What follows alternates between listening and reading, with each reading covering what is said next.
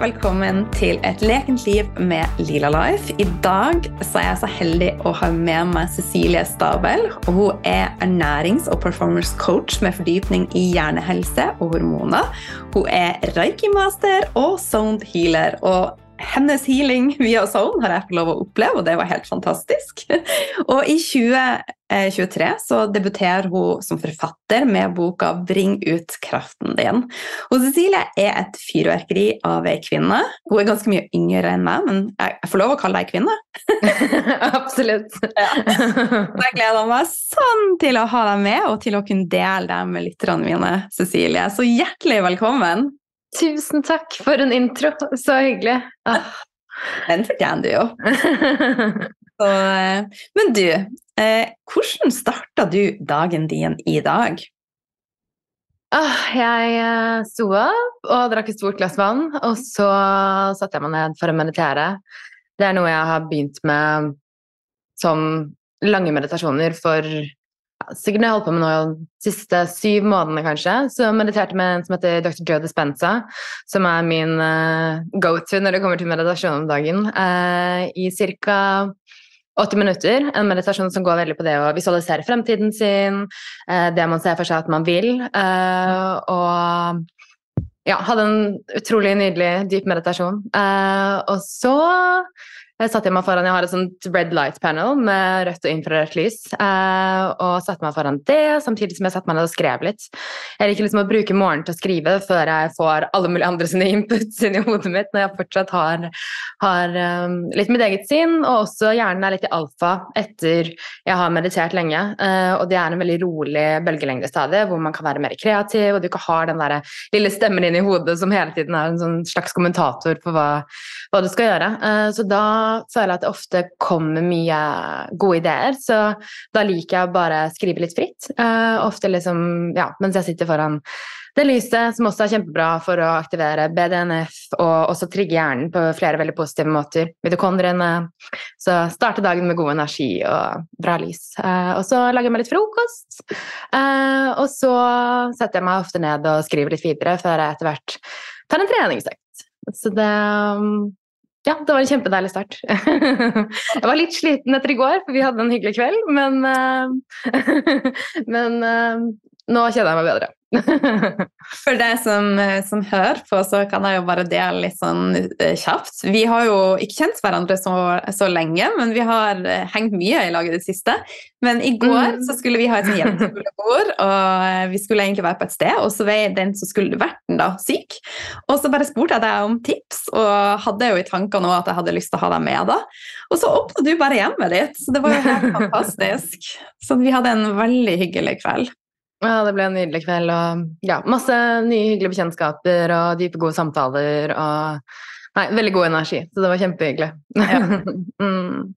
Du, nå har du fortalt litt om hvordan du starta dagen din. Um, er dette faste rutiner du gjør, eller har du tuna du inn med hva som føles riktig, eller Vi er alle jo så forskjellige. Noen liker ja, ja. ja, jeg er litt en rutineperson. Jeg er veldig glad. Jeg vet liksom at dette er måten som setter meg opp på en god dag, ved at jeg prioriterer å meditere, f.eks. Og for mange så høres det litt som et 80 minutter, mediterer du i 80 minutter. Uh, og det er ganske nytt for meg. Jeg har meditert i nesten 15 år, og da har det vært mer sånn 10 minutter, 15 minutter. Uh, men jeg hadde en veldig spesiell opplevelse i våres, og etter det så bestemte jeg meg for at nå vil jeg forplikte meg til å meditere to timer om dagen i en periode. Uh, for jeg så jeg kjente hvilken energi jeg liksom tappet inn i, og det var en sånn helt spesiell kraft. Og jeg bare skjønte at dette er noe jeg vil kultivere, og også omprogrammere underbevisstheten min, som skjer veldig effektivt gjennom disse meditasjonene. Uh, for han, han jeg mediterer med, som heter Joe Dispenza, han er veldig opptatt av hvordan tanker leder til følelser, uh, som leder til handlinger, som etter hvert leder til de mønstrene vi gjenlever i livet vårt. Altså alt starter egentlig med eh, tanker. Og det er når vi sitter i meditasjon og kan observere tankene våre på en veldig sånn måte hvor vi eh, ikke involverer det analytiske sinnet, så kan vi omprogrammere oss. Eh, og da er det en fantastisk katalysator for å skape endring i livet vårt og for å liksom manifestere det vi virkelig vil da, inn i virkeligheten. Og når vi kjenner på de følelsene og hvordan det føles samtidig, det er da, da har vi mulighet til å skape magi, istedenfor at bare snakke om manifestering hvor vi tenker at ok, det er dette jeg vil, det er veldig sånn hodestyrt, uten å inkludere følelsene, um, da får vi ikke den samme effekten. Så ved å virkelig sitte og tørre å være modig nok til å kjenne på hvordan det kommer til å kjennes før man opplever det, da skjer det noe helt spesielt. Og etter jeg begynte med det, så har jeg bare dratt inn så mange fantastiske mennesker, rett deg, i livet mitt. Uh, så mange liksom opplevelser og ting som jeg bare ja, setter så pris på. Og jeg føler at det er den beste måten jeg kan uh, starte dagen min på. Uh, nå I starten var det drittøft. Det sånn, skal du sitte stille? Jeg er en person som sliter med å sitte stille, liksom. Jeg har mye energi. Altså, du har jo eh, veldig mye kraft. Altså, jeg er jo en veldig kraftfull person. Jeg tror kanskje jeg har funnet mye overkvinne. Ah, ja, det gjenstår å se. Du får, du får, lese boken min, så får du bare Da blir det Nei, det, det er hyggelig at du sier det. Er, jeg har vært mange år uten den også, så man går liksom en reise, så finner man, finner man kraften sin på veien. Det vet jeg du også har gjort. Ja, absolutt. Mm. Men nå er det jo sånn at jeg har blitt ganske godt kjent med deg de, de siste ukene, og mer enn denne uka. Eh, og for de som hører på, kan ikke du fortelle litt om deg sjøl? Hvem er du, og litt om de reiser? ja. Ah, det, er, det, har vært en lang reise. Nå sier du at jeg har mye kraft, og det er så deilig å endelig kjenne på, for det var så mange år hvor jeg ikke hadde den kraften i det hele tatt. og var veldig, Jeg hadde jeg hadde nesten åtte år hvor jeg var skikkelig dårlig. Eh, jeg hadde en tungmetallforgiftning. Eh, og i starten så brukte jeg sikkert fire år hvor jeg liksom ikke visste hva det var for noe. Jeg var sliten, jeg hadde hjernetåke, eh, jeg hadde lavt stoffskifte, problemer med magen, mye reagerte på, høye inflammasjonsnivåer. Det var liksom mange diagnoser og litt forskjellig hjelp av forskjellige steder, men ingenting som egentlig på en måte Jeg følte at gjorde en veldig stor endring, da. Og så var det vel høsten 2017 at jeg kom på et sted hvor de testet hjernekjemi, de testet gener, de testet hormoner, tungmetaller, de tok avføringsprøver, altså urinprøver. Eh, og liksom jeg følte at her ser de meg, og de så meg også som person, eh, og var veldig tok liksom helheten på en gang. Eh, og da fant vi også ut at jeg hadde en tungmetallforgiftning. Uh, og for de som ikke vet hva tungmetaller er, det er jo litt sånn når man er involvert i det, så er det liksom uh, vet man det. Men det er um, det er som gift for nervesystemet. Og nervesystemet er det systemet som sender alle signaler i kroppen mellom hjernen og kroppen, sånn at når du f.eks. ser at 'å, oh, shit, jeg holder på å miste et glass', eh, så kommuniserer øynene dine det til hjernen, og så klarer du kjempekjapt å kanskje nesten redde det glasset fra å falle i bakken. Og det er via elektriske impulser. Så tungmetaller Eh, når det er i systemet, så kan alle disse signalene egentlig slå feil. Og da har du potensielt feil signaler til alle kroppens organer. Eh, så da kan faktisk veldig mye gå galt. Og det er ikke så rart at man begynner å diagnostisere da andre ting, fordi det er naturlig at andre ting kommer ut i balanse. Eh, men da fant vi liksom endelig rotårsaken til det som lenge hadde gjort at ting var ute av balanse. Og jeg er jo litt sånn folk er sånn 'Å nei, har du fått det?' Så er jeg sånn åh, men endelig er det noen som finner ut hva det er for noe, liksom. For jeg vet jo at jeg har så mye mer kraft meg, i meg enn det jeg kjenner på nå. Jeg vet jo at det er noe galt. Ja. Uh, så det var på en måte deilig å ja, få noen som man følte at virkelig så, så meg. Uh, og det var en, bare en start på liksom mange år med avgiftning. Uh, for man må være veldig forsiktig når man avgifter tungmetaller. Det kan reabsorberes i hjernen, og da altså det bidrar allerede til å degenerere hjerneregioner eh, og kan være veldig skadelig for mange organer, så man må gjøre det veldig langsomt og veldig forsiktig. Eh, men jeg brukte RNA-preparater, som er RNA er jo det Da var det ikke så veldig mange som visste hva det var, men nå er det mange som kjenner til det etter vi har hatt vaksiner som eh, baserer seg på RNA. RNA er jo det som koder av og på genene våre i epigenetikken. Mm. koder av og på DNA. så jeg fikk hjelp til å oppregulere de genene som gjør at jeg avgifter dårligere enn veldig mange andre. Uh, og så var det en lang og hard prosess over mange år, uh, hvor jeg var veldig sliten og veldig dårlig, uh, men jeg på en måte så at dette var løsningen. og det var det ikke alle andre rundt meg som så på veien.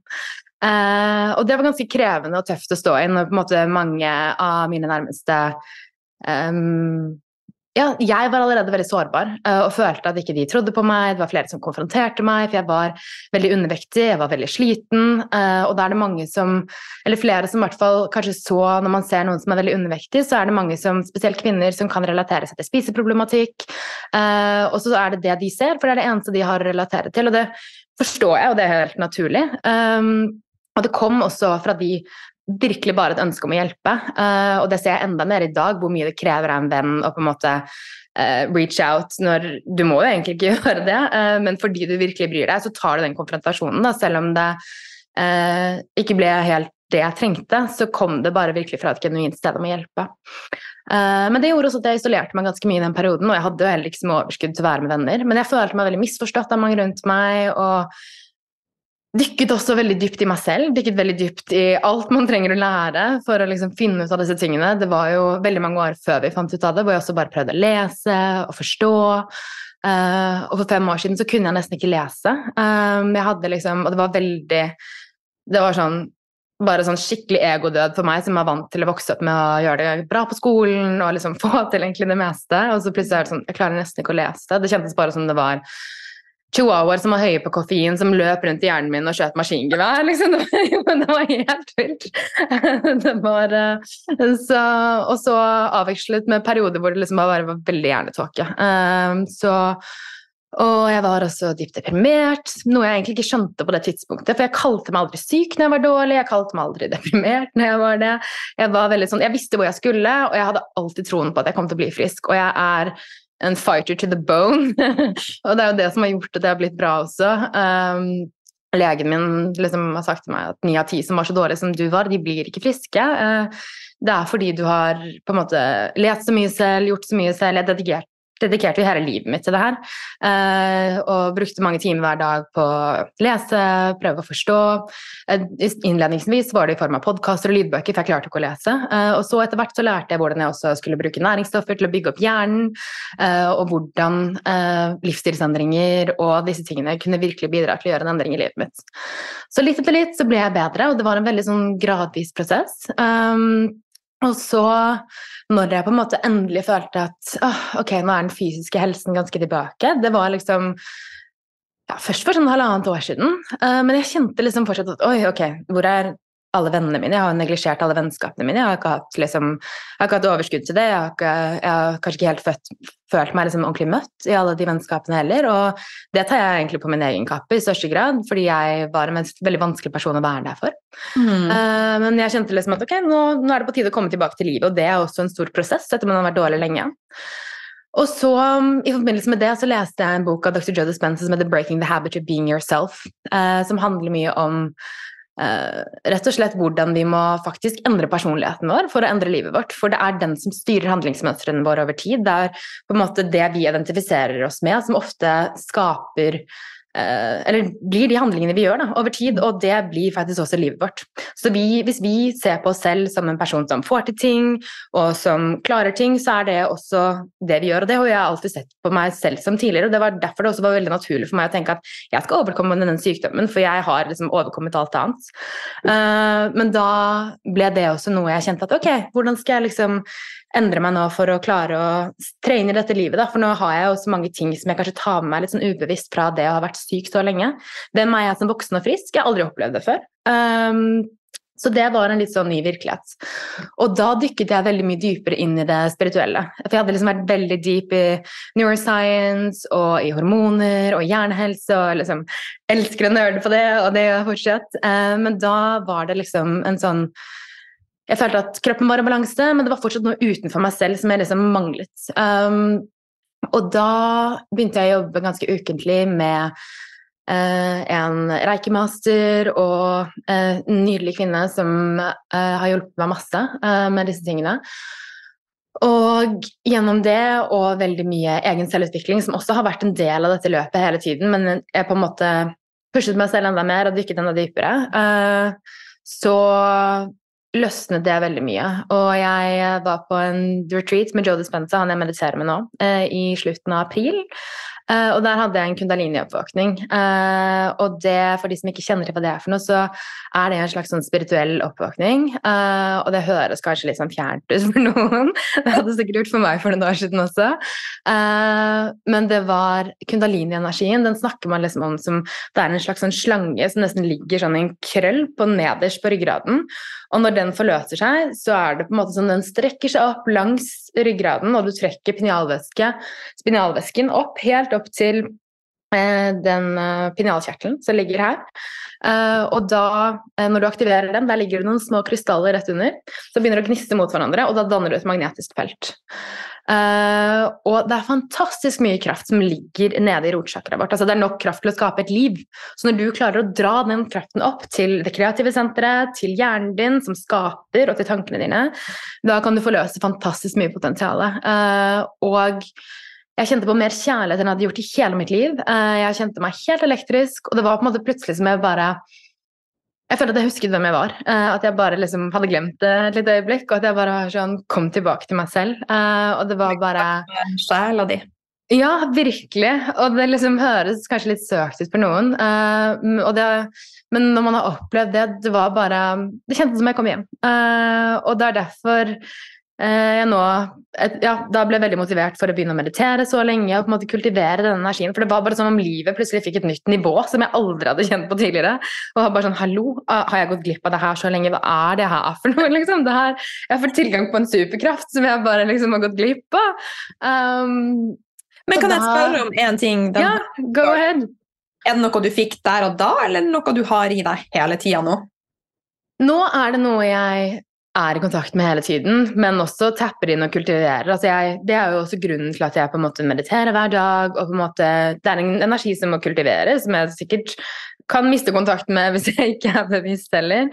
Um, men uh, nå føler jeg at jeg har det i meg hele tiden. Uh, og så er det noe som um, når jeg sitter i den, energien, når jeg healer, når jeg på en måte gjør det arbeidet, så Eh, blir det mye, mye sterkere. Hvis jeg, når jeg jobber med reiki, når jeg reikemaster, eh, soundhealer Det var noe av det på en måte sånn etter jeg hadde vært eh, på den retreaten, bare kjente at nå må jeg finne noen verktøy her, fordi jeg, jeg, kjenner på denne kraften, og jeg må jo bruke den til å hjelpe andre. Eh, for det er bare det var liksom som når jeg satt i den kraften av kjærlighet, så kjentes det nesten ikke som om noe annet kunne være galt. på en måte. Det var bare liksom Det er den ja, det er bare en helt fantastisk kraft. Um, så nå føler jeg at jeg er i det hele tiden. Men når jeg, sitter altså når jeg gjør det arbeidet, da øker kroppstemperaturen min sikkert fem grader. Jeg begynner å svette, jeg begynner å riste.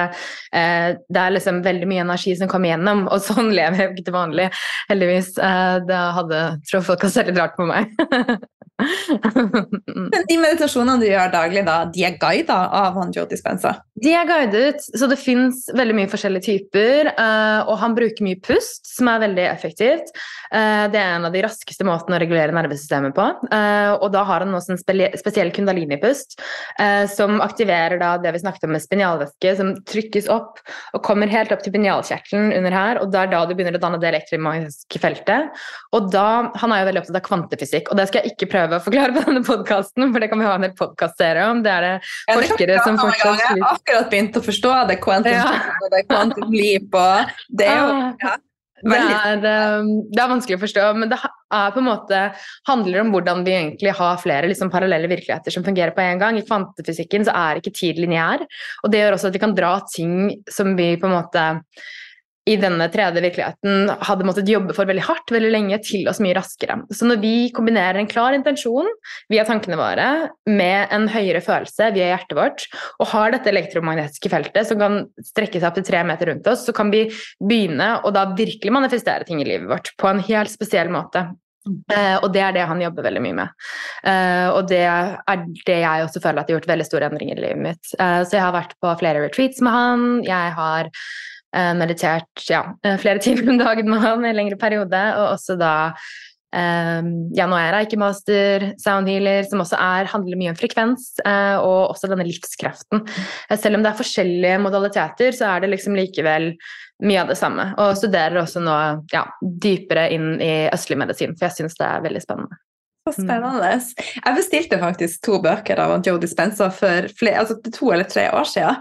Men så fant jeg ikke de på norsk, og da var jeg ikke begynt å lese mye på engelsk. Er svensk, og det er det dummeste jeg har gjort. Jeg vet ikke om du har lest, noe på svensk. Så jeg ga opp til slutt, da.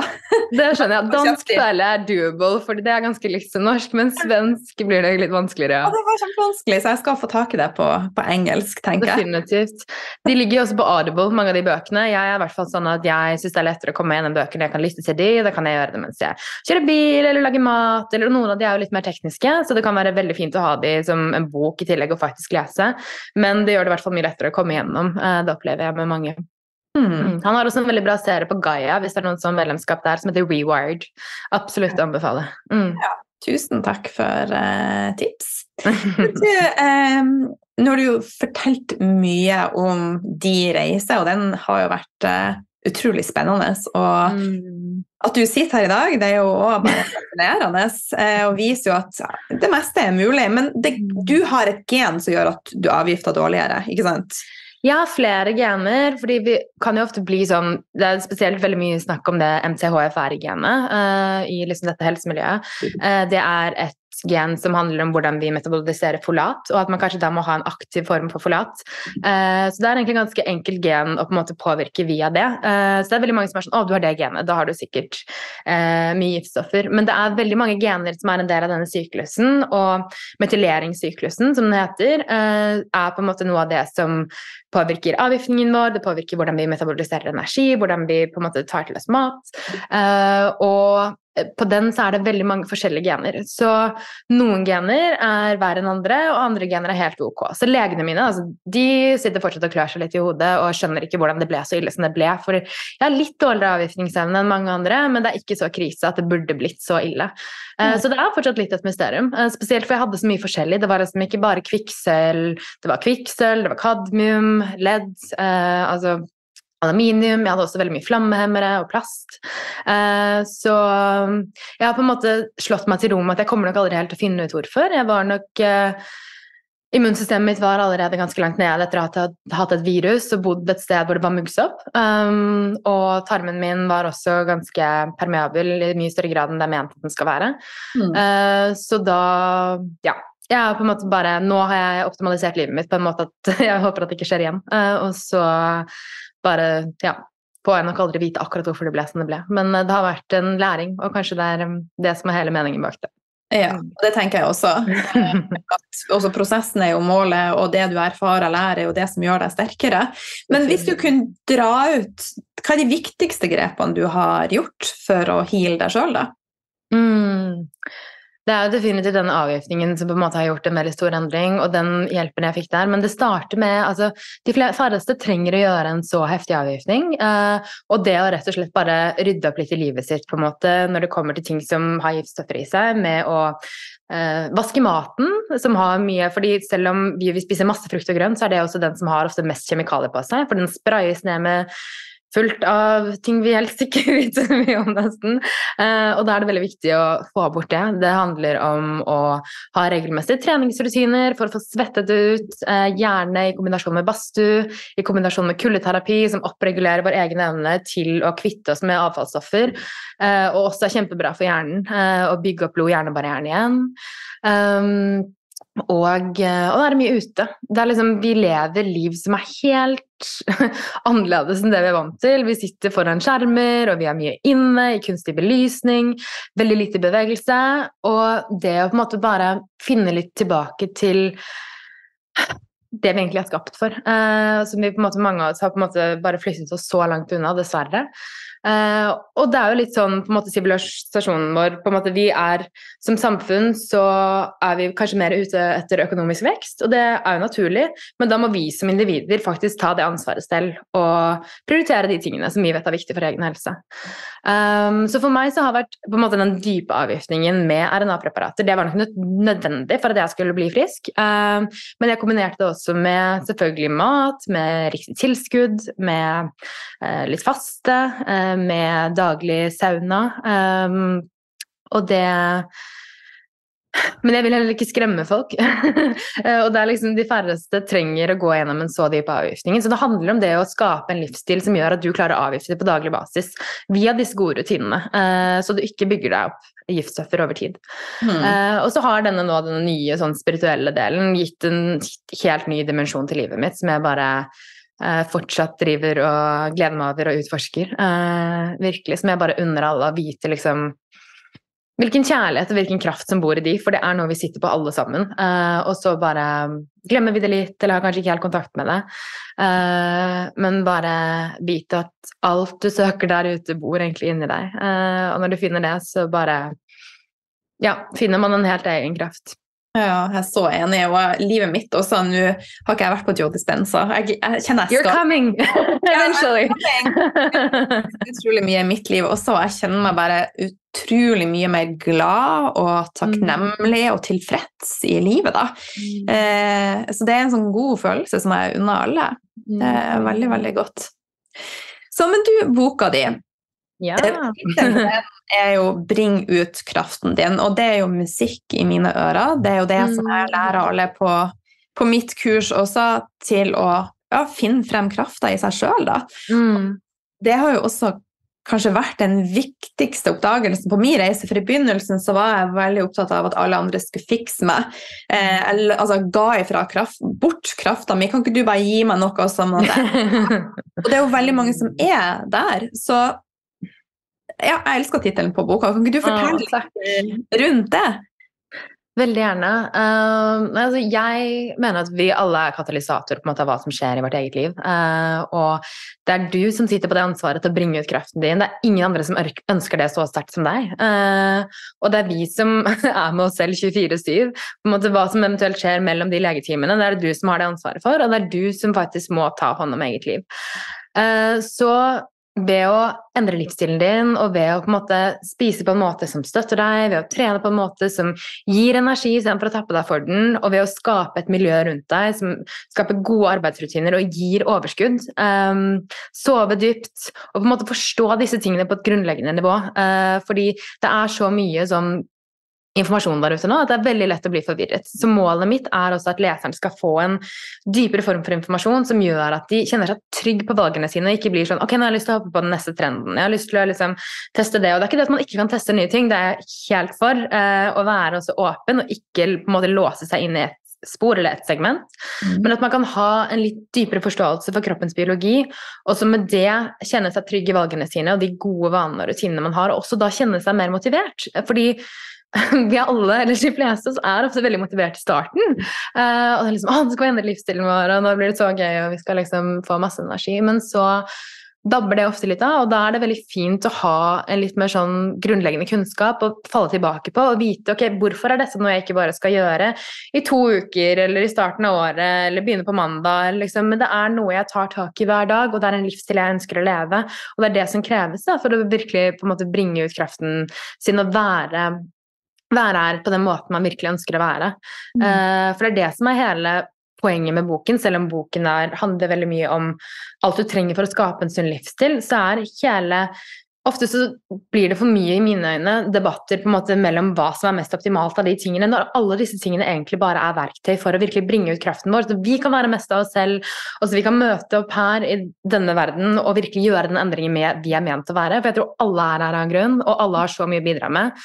Og så bare faller det dessverre litt igjennom for noen. Og så da at man har dette fundamentet som gjør at de forhåpentligvis har mulighet til å møte på den måten de vet at de er ment her for. Eh, og så virkelig bringe ut kraften sin. Ja, så enig. Men du, du sier også du har med 'hvordan kan vi trene uten å altså, tappe, tapp altså, mm. tapp for energi', da? Hva er dine beste tips her i forhold til trening? Ja, eh, jeg tror det er veldig mange som Eller det er jo veldig mange som eh, trener litt sånn Å, nå skal jeg trene, og så liksom bare går man og tar seg en løpetur eller noe eller sånt. Og det er kjempebra. At man bare i det hele tatt kommer i gang med bevegelse, det er det viktigste. Men spesielt vi kvinner, jeg føler vi har fått et veldig misforstått forhold, eller i hvert fall underemphasized liksom, til det at styrketrening er kjempeviktig. Eh, det bygger hormoner, det bygger overskudd. Eh, og det er så viktig for oss også. Man kommer ikke til å bli kjempestor og muskuløs ved å trene det. Det vil gi deg overskudd, det vil gi deg en stram og sterk kropp som gjør at du får til alt du har lyst til. Eh, og også det å løfte tungt.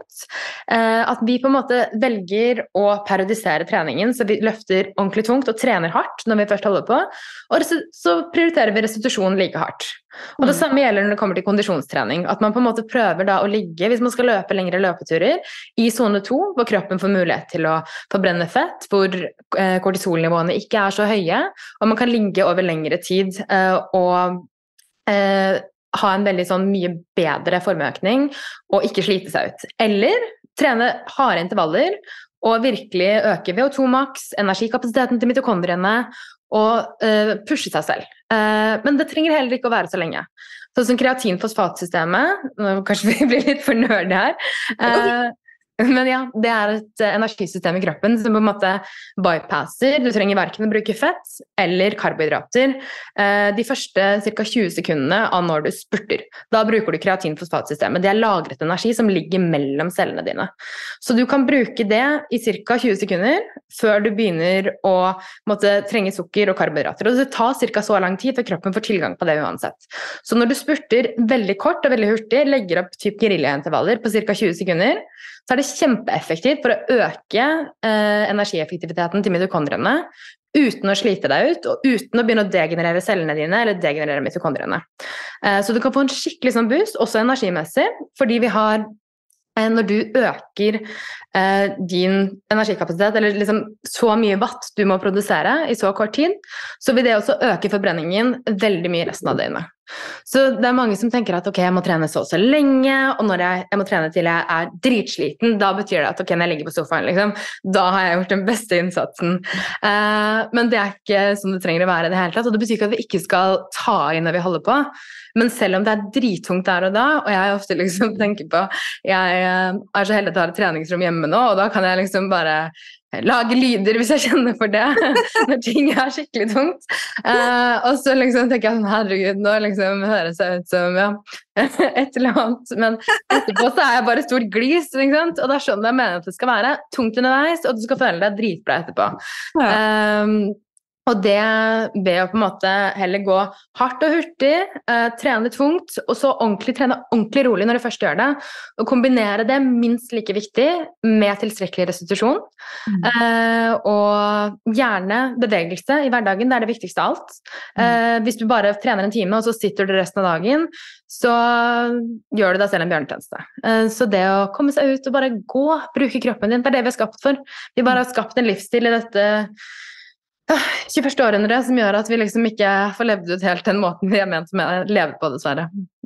Men du, når du var skikkelig sjuk, klarte du å trene da?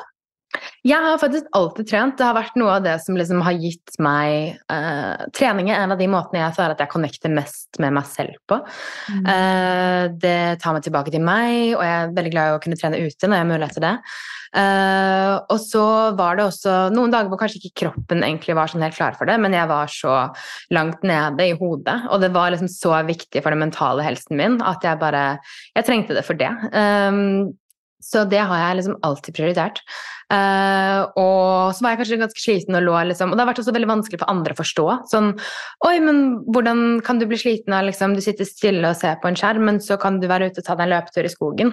Uh, og det var også ganske rart for meg i starten. Og så lærte jeg mye mer om nervesystemet og forsto hvordan det fungerte med elektrisitet, hvordan vi kan slites ut av uh, liksom å sitte og se på skjermer og det lyset som er ganske unaturlig for oss, av elektronikken rundt oss, av også den stimulien som kommer inn over tid.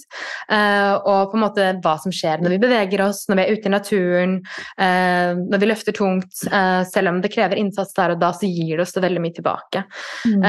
så nå har jeg også mye større forståelse for det, og der og da så bare aksepterte jeg det og visste jo at trening var bra for meg. Um, så det har jeg alltid. Jeg har liksom drevet med mye med idrett da jeg var yngre også, så det har liksom egentlig nesten alltid vært en stor del av livet mitt. Mm. Jeg forstår deg 100 og jeg, når jeg var sengeliggende, så um, så måtte jeg jo bare omprogrammere hvordan jeg bevegde meg. Mm. Jeg var også ute og det var så viktig for meg å bare Mm. få bevege meg, og som du sa, roligere aktivitet. Så, Absolutt. og jeg tenker, ja, det er jo medisin å bare komme seg ut. Og selv om det innimellom krever litt sånn kan kreve litt katalyseringsinnsats, på en måte, så er det sånn med den dørstokkmilen. Altså, hvordan kan du gjøre det enklest mulig? Hvordan kan du finne treningsøkter du faktisk liker? Kan du finne en treningspartner du kan trene med? Kan du i hvert fall trene på et studio i nærheten? Eller liksom, kanskje du finner en community der? Ikke sant? Gjøre ting som du faktisk syns er gøy. Det er liksom også kjempeviktig for å holde det gående over tid. Hvis jeg sitter her og sier at ok, tung styrketrening er kjempebra, og du hater det, og vet at du på en måte ikke kommer til å holde på med det uansett, så finn i hvert fall en form for bevegelse som gjør at du kommer til å holde på med det over tid. For hvis Ja. det resulterer i at du ikke trener i det hele tatt, så er det et mye dårligere alternativ. Så det kommer jo helt an på hvor man er av nivå. ikke sant? De som på en måte kanskje allerede trener, ok, greit, nå kan vi trene litt mer optimalt. Så det, man, må, man må kjenne seg selv godt nok til å finne hvor man er. Mm. Du, En annen ting som jeg har uh, oppdaga med deg, er jo at du er veldig kreativ, og du liker å ha, ha det fint rundt deg. Og du har Ja. Ja, mye av den samme interessen som jeg. Jeg liker pene ting, pene klær, pene vesker. Jeg bare oh my god! Så du har også et kapittel i boka som går på det å gjøre eh, hjemmet ditt mer energetisk. Eh, ja, kan ikke du fortelle litt om det, og hvorfor det er så viktig for deg, og hva du tenker eventuelt hvordan det kan påvirke oss som mennesker? Absolutt. Jeg tror det er veldig viktig. Altså, hjemmet er jo ofte det vi bruker veldig mye tid i. Det er veldig deilig å ha et sånt sted hvor man kommer hjem og bare «Huh, Her kan jeg lande. Her kjenner jeg meg liksom hjemme. Jeg kjenner meg som meg selv. Jeg kan bare grounde. Uh, og jeg kjøpte meg en ny leilighet nå, tok over den i sommer, så jeg har liksom nå endelig fått mulighet til å liksom skape et hjem som jeg virkelig kjenner etter meg. Uh, og det har jeg virkelig fått leve ut i liksom interiøret og alt uh, mulig sånn, men også i form av veldig mange usynlige variabler som vi på en måte ikke er klar over eller tar hensyn til, men som tapper energien vår ofte. Uh, og spesielt i form av elektrisitet og lys. Fordi vi er som sagt vant til egentlig, eller kroppen vår er jo på en måte mer disponert for å leve ute. Det er sånn i et evolusjonsperspektiv helt naturlig for oss. Og så sitter vi her inne i disse liksom, maskinparkene våre av kjøkken med vannkoker og kaffemaskin og smoothiemaskin og kjøleskap og oppvask, kom, alle disse tingene. Um, og det påvirker oss. Eh, hva sa du? Trådløst nettverk. Ja, definitivt. Eh, så det er noe med Og det, jeg sier ikke dette for å skremme folk, men hjemmet er faktisk det ene stedet hvor man har en del mer kontroll enn veldig mange andre steder. Og man bruker mye tid her, man sover her. Så det å klare å optimalisere på hjemmebane for disse tingene, det er veldig viktig. For eh, elektrisitet, det påvirker oss. ikke sant? Vi er eh, Ref det med nervesystemet vi snakket om litt tidligere, så fungerer det på elektriske impulser. Og nettopp derfor så påvirker også uten altså elektronikk utenfra fra, det påvirker oss. Du er egentlig et stort levende batteri. Og sånn som eh, skilpadder som liksom finner tilbake til strender de har vært på år etter år, det er pga. innebygde bioelektriske sensorer. Eller elektriske åler som klarer liksom å sende støt. Og det har vi også, bare at de ikke er like velutviklede. Men vi responderer på både menneskeskapte og ting fra naturen og ting i omgivelsene rundt oss. Via, og når vi da danner noe som heter sympatisk resonans, som betyr at vi begynner å resonnere ved samme frekvens som det gjør, så påvirker det den cellulære biologien vår. Eh, og da begynner vi å eh, kanskje øke inflammasjonsnivåene våre, vi produserer energi mindre effektivt, eh, og folk kan fort få hjernetåke, kjenne på mye av disse tingene. Og så er det sånn 'Å, hvorfor er jeg sliten? Jeg skjønner ikke helt'. For det er veldig, en sånn, det er veldig usynlig. Og så har man kanskje sittet der med AirPods med Bluetooth i hele dagen. Og så bidrar det til å sende ting gjennom hjernen konstant. Så da istedenfor å bytte de bare med wired eh, eh, ørepropper, så vil det gjøre en kjempestor endring for veldig mange. Eh, så jeg har f.eks. wifi-boksen min i en sånn lite nesten bur, som gjør at 99% av strålingen blir borte. Jeg har plugget inn noe som heter en Blue Shield, som sender ut naturlige, eh, naturlige MS, mer sånn som ligner på det som er i naturen, for å på en måte liksom nulle litt mer ut det andre. Eh, jeg passer på å ikke sitte med ting Altså eh, den um, ladekabelen plugget inn i PC-en når jeg jobber på den, for det er også sånne ting som gjør ting enda mer av disse tingene. Uh, og Bluetooth, spesielt å bare skru av det, det hjelper veldig mye. Skru av wifi om natten f.eks. hvis du har mulighet til det. Uh, og så er det ikke fordi man skal bli redd, men bare ta noen hensyn. Uh, og så Bevisst, minst- rett og slett. Være bevisst, og minst, minst like viktig som alt det her er å komme seg ut hver eneste dag. Mm. Eh, For da får kroppen mulighet til å grounde, kvitte seg med det Altså de negative ionene som er utendørs, da kan den på en måte få rebalansert cellene sine når den kommer i kontakt med naturen. Eh, og det er ikke så mye som trengs.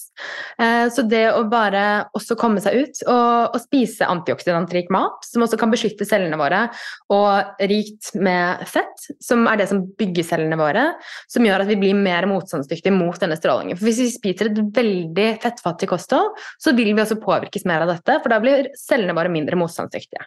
Så når jeg eh, var veldig, veldig tynn eh, og hadde mye mindre fett på kroppen, eh, så var jeg også enda mer Da var jeg liksom elektrisitet, da bare. Jeg kunne innimellom kjenne meg helt elektrisk. Og det var jo også disse tungmetallene som gjorde at ting ble enda verre. Så det var en veldig dårlig kombinasjon. Så jeg har virkelig liksom fått kjent på det på en måte som ikke har vært så god. Uh, og så er det lys, uh, som også er Vi lever liksom, sitter inni denne kunstige uh, belysningen vår nesten hele tiden. veldig mange av oss. Og lys er liksom Uten solen, det er den viktigste energikilden på jorden. Uten det så hadde vi ikke hatt liv her.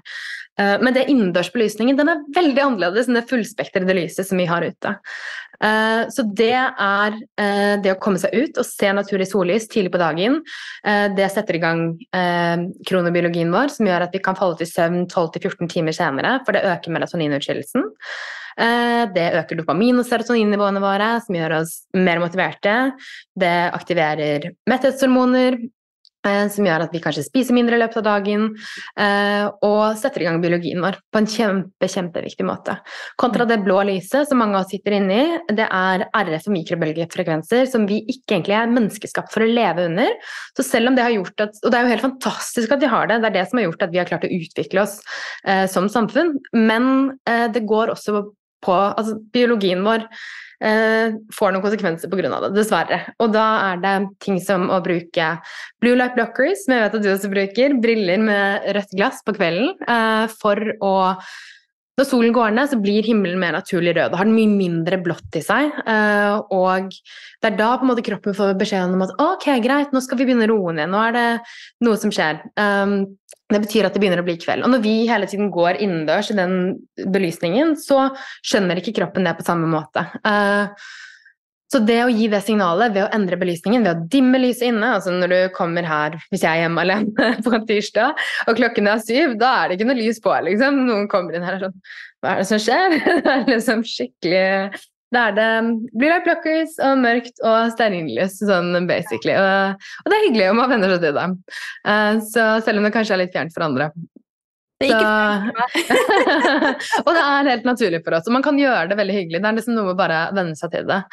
Uh, på Mac-en så laster jeg ned noe som heter Flux, f.lux heter det, som bidrar til å dimme skjermen i forhold til når det er på døgnet. Uh, som gjør at man, man, kan bli ganske sliten, litt sånn ubevisst, av å sitte på skjerm over lengre tid. Mye pga. det blå lyset, som er helt unaturlig for oss.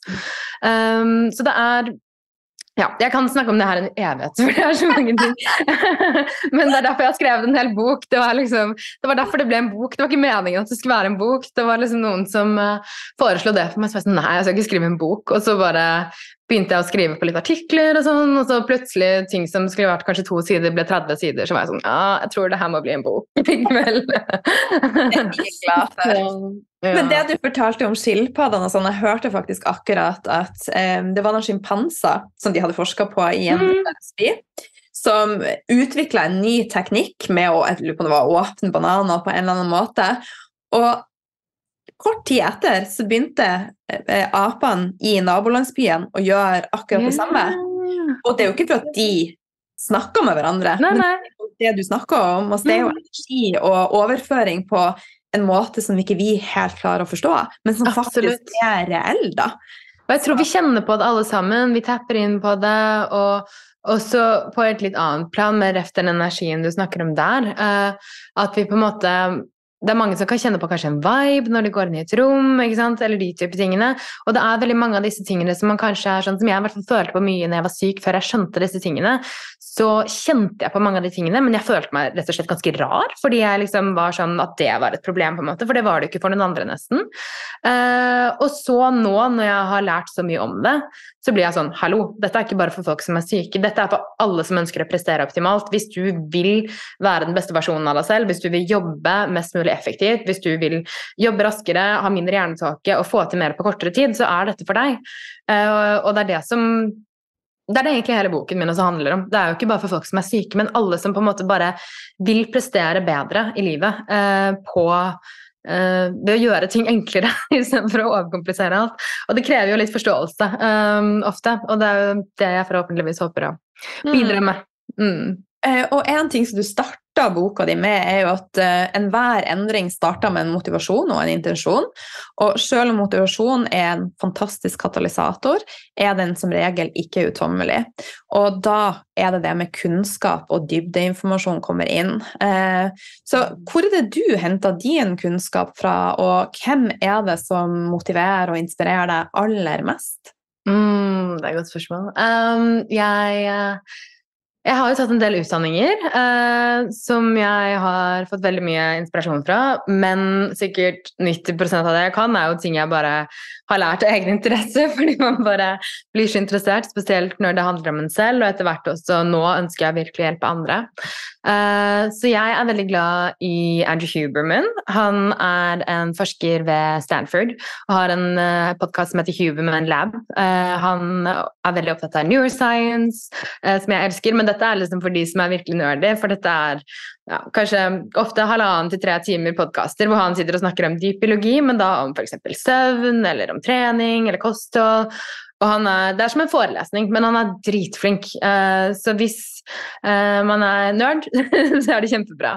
Uh, så men det er jo litt sånn jeg har på en måte Grunnen til at jeg har skrevet boken min også. For jeg, jeg, kan, jeg elsker sånn. ikke sant? Jeg kan lese Jeg har lest f.eks. Når jeg sitter og jobber med um, kapittel om søvn, da f.eks. Jeg har lest boken til Satchin Panda, The Circadian Code, så leser jeg boken til Matthew Walker, Why We Sleep. Jeg hører om på podkaster fra Andrew Huberman, kanskje fra Peter Chia, andre i dette segmentet, leser meg litt på forskning, og jeg sitter jo bare der elsker å gå i dybden på denne måten. Eh, men boken min er på en måte lagt opp sånn at da får du jeg snakker som jeg skulle snakke til en venninne, og jeg har min egen måte stemme, litt humor. Og så er det selvfølgelig også biologi, og du må være interessert for å synes det er spennende, men eh, du trenger ikke å ha noe forkunnskap for å komme inn på dette nivået. Eh, så hvis du er ikke så nerdy som meg, og ikke elsker å sitte høre på lange forelesninger, så gleder jeg meg veldig til å dele den. Um, ellers så er jeg ja, Peter Tia, som jeg nevnte. Han er også en forsker som forsker mye på longevity. Uh, som har en podkast som heter The Drive, uh, som jeg lytter til mye til. Um, og så er jeg jo liksom syns det er veldig fint med mer sånn folk som reflekterer og samtaler rundt mer sånn kanskje mer psykologiske temaer. Eh, og der er det en som heter Chris Willoch, som har en podkast som heter Modern Wisdom. Veldig mange spennende gjester. Eh, også veldig flink til å intervjue, eh, som jeg absolutt vil anbefale. For da, det er det som er så deilig med podkaster. Sånn, man kan bare liksom få det litt sånn inn i hverdagen og ha liksom nesten litt som mentorer på andre siden av verden som man kan lytte til. Oh, og Joe Dispenza, selvfølgelig. Han må jeg ikke glemme. Ja. Eh, han absolutt anbefale. 'Breaking the Habit of Being Yourself' hvis eh, man vil lese en bok. Og WeWard på Gaia, som jeg nevnte tidligere, er en kjempebra ressurs. Jeg eh, tror det er ca. ti episoder i den serien. Eh, ja, bare hvordan du reprogrammerer hjernen din, så du rett og slett kan endre livet ditt. Hmm. Mm. og i morgen, eh, når du er inne på han Joe Dispenza, så skal jo yeah. du på nok en spennende reise. Ah, det stemmer. Jeg drar tidlig i morgen til Cancún i Mexico. Da skal jeg være med på en Advanced retreats med Joe Dispenza, eh, hvor vi skal meditere. Det er ca. Ja, 35-40 timer meditasjon på en uke. Og mye foredrag om nevrokjemi, kvantifysikk, epigenetikk, eh, og ikke minst bare fantastisk mye nydelige mennesker og spennende personer. Uh, og folk som har endret livet sitt gjennom dette arbeidet. Altså Folk som har sittet i rullestoler i over 20 år, som reiser seg og går. Det opplevde jeg på en av mine forrige retreats, eh, hvor en mann som satt nesten ved siden av meg, eh, reiste seg opp og begynte å gå, og hadde sittet i rullestol i 21 år, og det er bare uh, Ja, det er helt fantastisk. og venninner jeg har fått som også har healet gjennom dette arbeidet, en av de som hadde level 5 brain damage, uh, og som ikke engang husket sitt eget navn. Uh, jeg tror hun hadde vært i en, veldig alvorlig bilulykke.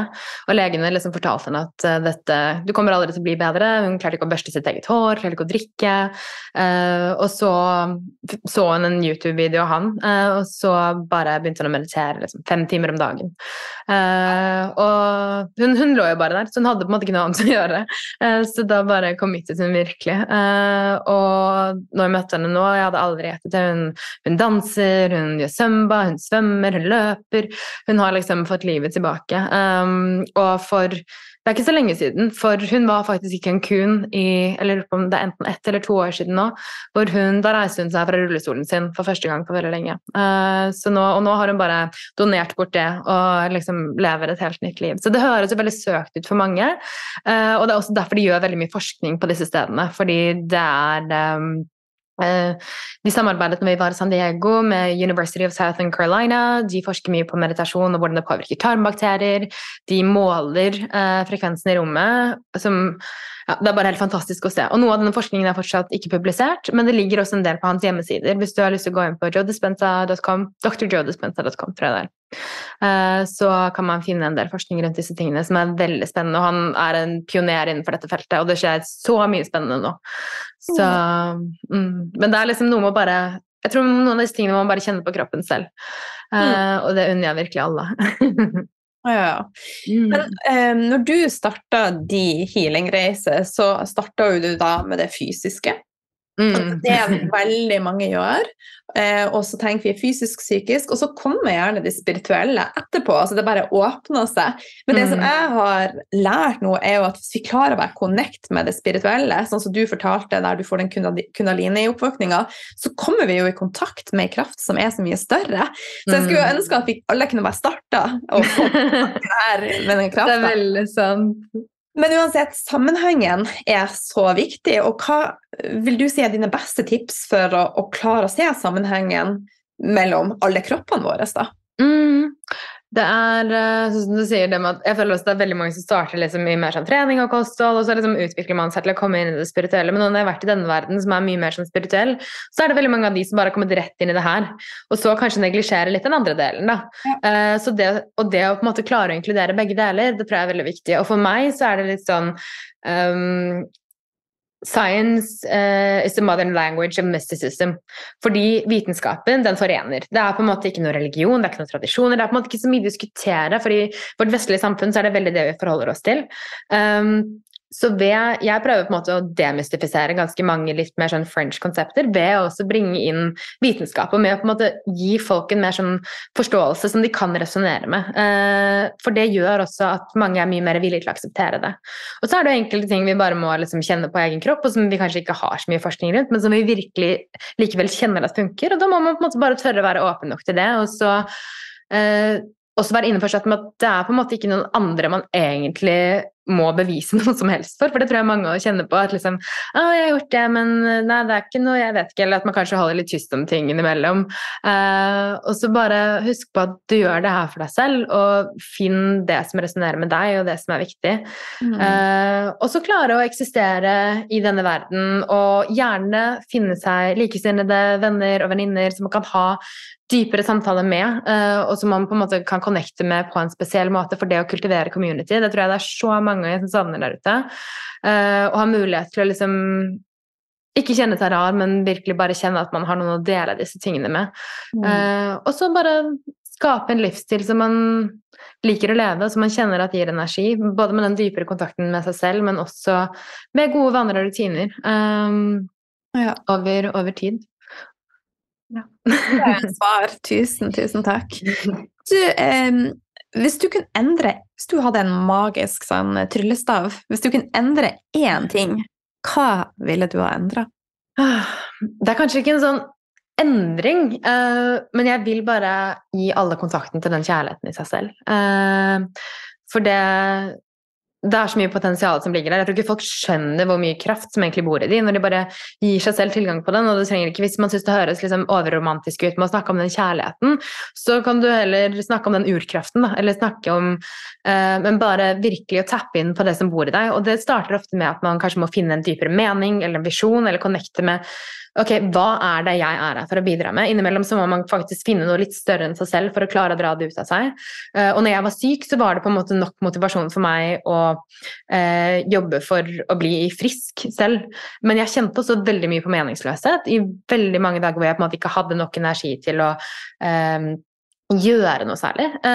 og det å på en måte kjenne på den meningen i forhold til at jeg virkelig føler at jeg er her for å hjelpe andre, eh, det har bare også gitt meg en helt annen tilgang på kraften min. Eh, fordi når man finner den meningen Det kan være så mye forskjellig, og det er veldig viktig at man også eh, tillater seg selv å tune inn på okay, hva er det som er viktig for meg, hva er det ikke som liksom høres bra ut, eller som liksom andre tenker er riktig, hva er det mamma og pappa tenker er riktig, hva er det liksom noen jeg ser opp til tenker er riktig, men virkelig klare å sitte litt gjennom det og finne kontakten med ditt dypere selv. Og hva var det du likte å gjøre når du var barn? Hva er det som gjør at tiden bare går uten at du egentlig tenker på det? Uh, og når er du bare i øyeblikket, og du bare kjenner at du er? For de tingene de kan du ofte faktisk leve av. Det betyr ikke at du trenger å gjøre akkurat det, men hvilke kvaliteter er det det bringer ut i deg? Hvem er det du er når du gjør de tingene? Er du kreativ? Ok, kanskje du kan bringe det inn i yrket ditt. Det betyr ikke at du må være designer eller på en måte holde på med noe sånt. Du kan også bringe kreativitet inn i yrker som handler om business, eh, i måten du tenker på. Ikke sant? Så det å finne ut hvordan man kan liksom ta med seg sine unike kvaliteter, uansett i hvilket yrke eller måte man jobber på i livet sitt, det tror jeg også vil gi en sånn helt spesiell kraft. Å finne litt tilbake til det man var som barn. Da var vi liksom ofte før vi ble reprogrammert til å liksom eh, ta til oss altfor mye om hvor vi tenkte at vi skulle være, og hvordan vi måtte være fra normer og regler, eh, og bare var veldig ofte i kontakt med oss selv eh, og hvem vi var, og bare skinte sånn i solene, eh, som vi burde gjøre fortsatt. Um, og det bare Det unner jeg alle. Mm. Virkelig. Me too!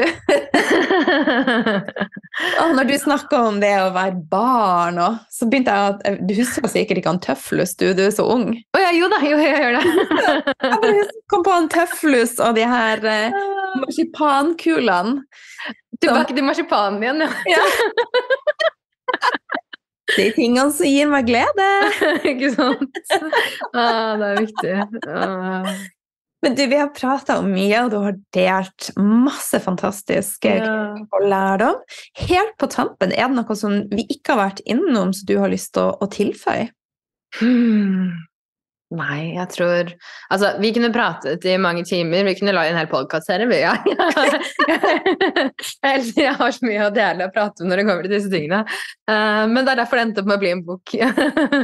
Så ja. Men hva gjør deg skikkelig glad, da? Da kan vi avslutte med det. Mm, åh.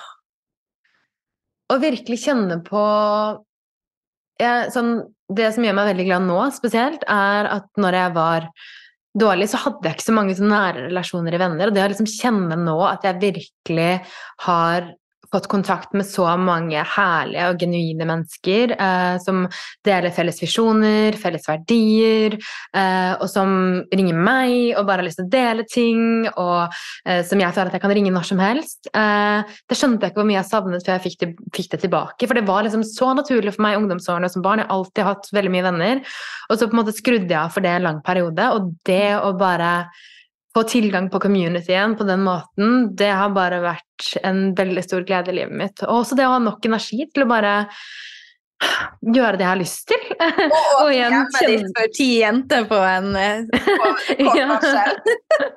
Så hyggelig å ha mulighet til det. Uh, og bare i veldig mange år så liksom savnet jeg Jeg var så sliten at jeg hadde ikke lyst, men jeg hadde, jeg hadde lyst ha lyst. jeg, skulle liksom, jeg savnet bare i det hele tatt bare noe, på en måte.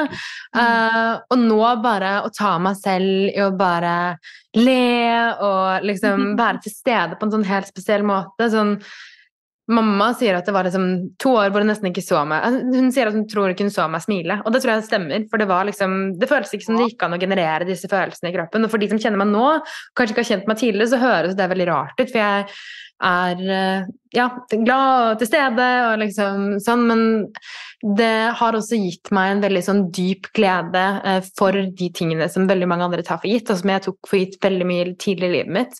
Eh, men de grunnleggende tingene som bare er det som gjør, gjør det verdt å være her, og gjør liksom livet helt spesielt. Da. Relasjoner og det å ja, ha mulighet til å være glad og i kontakt med seg selv. mm. Amazing. Du, tusen takk eh, fra hjertet for at du ville være med på kort varsel og dagen før du skal reise til Mexico. Uh, ja, vi måtte bare få til det her. Det var ja. så hyggelig. Så takknemlig. Eh, mm. hvor kan lytterne finne deg? Connect med deg. ja, jeg er nok mest aktiv på Instagram. Der er jeg på cecilie.stabel med to l-er. Eller så har jeg en hjemmeside, ceciliestabel.com. Uh, og så uh, skal jeg være med, forhåpentligvis, eller jeg skal være med, på kurset til Line og Torunn uh, etter nyttår. Uh, og ha en soundhealing der med en chakrameditasjon og så jeg håper at det er mange av lytterne dine som har lyst til å være med på det. Eh, for det vet jeg at et fint at du nevnte det. helt amazing kurs. Magic momentum. Ja. Og der må jo jeg bare si at jeg var så heldig at eh, jeg og Torunn var invitert på middag hos deg, Cecilie, denne uka. Og da avslutta vi kvelden Jeg nevnte litt om det i starten, og avslutta vi kvelden med healing der du spilte på Kan ikke du fortelle litt om, helt sånn på slutten, om disse eh, forskjellige chakrabollene. Hva kaller de? Boller, et, uh, hva sa du nå? Chakraboller. Det hørtes så kronglete ut. Men... Nei, nei, det er uh, altså På engelsk så kaller man vel det for alchemy crystal bowls. Men uh, det er, de er liksom tunet inn uh, til de ulike chakraene på Hver bolle holder en spesiell frekvens, og hvert chakra i kroppen vår holder ulike frekvenser. Så når det chakra er balansert og er riktig energi, så har det den type frekvens. Og det høres kanskje litt sånn søkt ut. ok, Dette ble veldig østlig medisin. Men det er egentlig ikke så rart. Røft, jeg vil snakke om nervesystemet i stad, og sympatisk resonans, så har alle cellene våre de har en cellekjerne hvor det surrer masse elektroner rundt hele tiden, som er i bevegelse. Så alle cellene dine eh, er egentlig i bevegelse til enhver tid. Og alt som er i bevegelse, danner lyd, og det danner frekvens. Og det betyr at det skjer i alle cellene dine til enhver tid.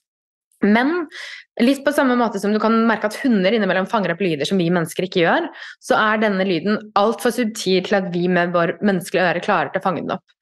Eh, men eh, det er da forskjellige typer frekvenser. Eh, og derfor så kan lyd også være en av de raskeste måtene å bringe kroppen tilbake i balanse på. Fordi elektrisitet og frekvens fungerer så raskt, og vi når du stiller to klokker i samme rom, så vil det etter hvert begynne å tikke likt. Og det er pga. sympatisk resonans. Når du kjører et tog forbi en leilighet, og møblene begynner å riste, eller en operasanger som kan knuse glass med stemmen sin, det er også pga. sympatisk resonans. Det er sånn lyd fungerer. Um, så de bollene er tunet inn på forskjellige frekvenser, og så kombinerer jeg det med synging uh, og uh, med å ta det Eller jeg tok dere da gjennom en chakra-meditasjon, det kan man jo velge litt om man ønsker å inkludere meditasjon eller bare ha, ha sound. Uh, men det er første gang jeg opplevde det. Jeg hadde liksom egentlig bare tatt denne sertifiseringen for jeg har alltid connectet veldig med stemmen min og vært veldig glad i å synge. og så dette, denne sertifiseringen hadde en hel uke som bare fokuserte på stemme. Så jeg var sånn Ok, dit, jeg, jeg må til Alicante og gjøre det her, liksom.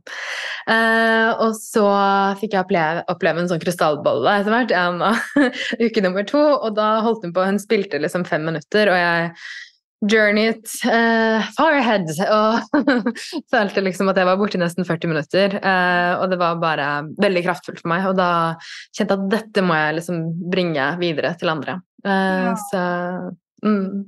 Og vi gleder oss eh, til å dele det her. Det blir en bonus på kurset til meg og Toren da, som starta i begynnelsen av januar. Mm, det blir så spennende. Jeg gleder meg òg. Ja. Ah, ja. Og så skal jeg faktisk ha en um, soundhealing-seremoni den første fullmånen etter nyttår, 7. januar.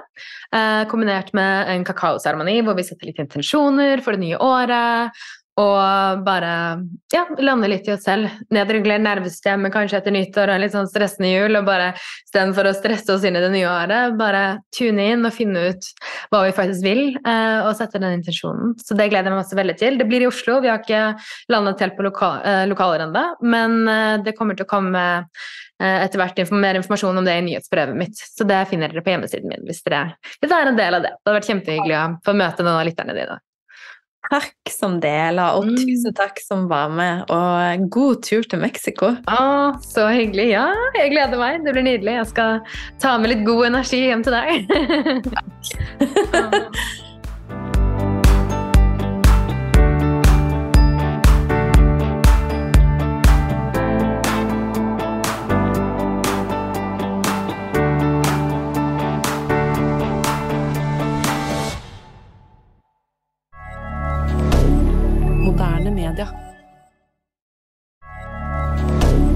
Moderne medier